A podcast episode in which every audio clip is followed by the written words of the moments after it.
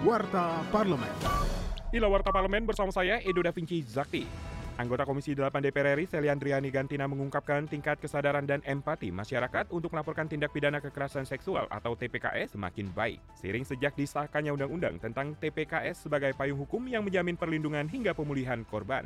Dalam diskusi forum legislasi di Media Center DPR RI Komplek Parlemen Senayan Jakarta baru-baru ini, legislator fraksi PD Perjuangan itu mendesak semua pihak untuk mensosialisasikan UU TPKS dan memasifkan edukasi mengenai seksual sedini mungkin kepada masyarakat.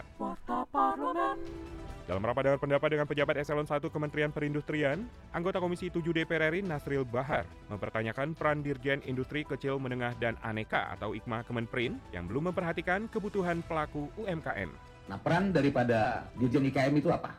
Di sini? Apakah termasuk ada pembiayaannya dan sebagainya?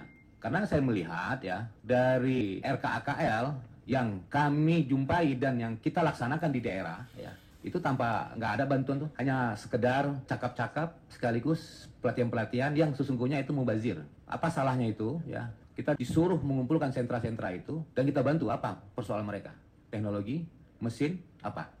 Itu yang harus kita lakukan Kinerja Wakil Rakyat simak di media sosial DPR RI. Anggota Komisi 2 DPR RI Gus Pardi Gaus menilai wacana kampanye di kampus perlu diatur dengan menentukan dan mekanisme yang komprehensif agar dapat memberikan kesetaraan, ruang, dan kesempatan yang sama bagi seluruh peserta pemilu namun harus bebas intervensi.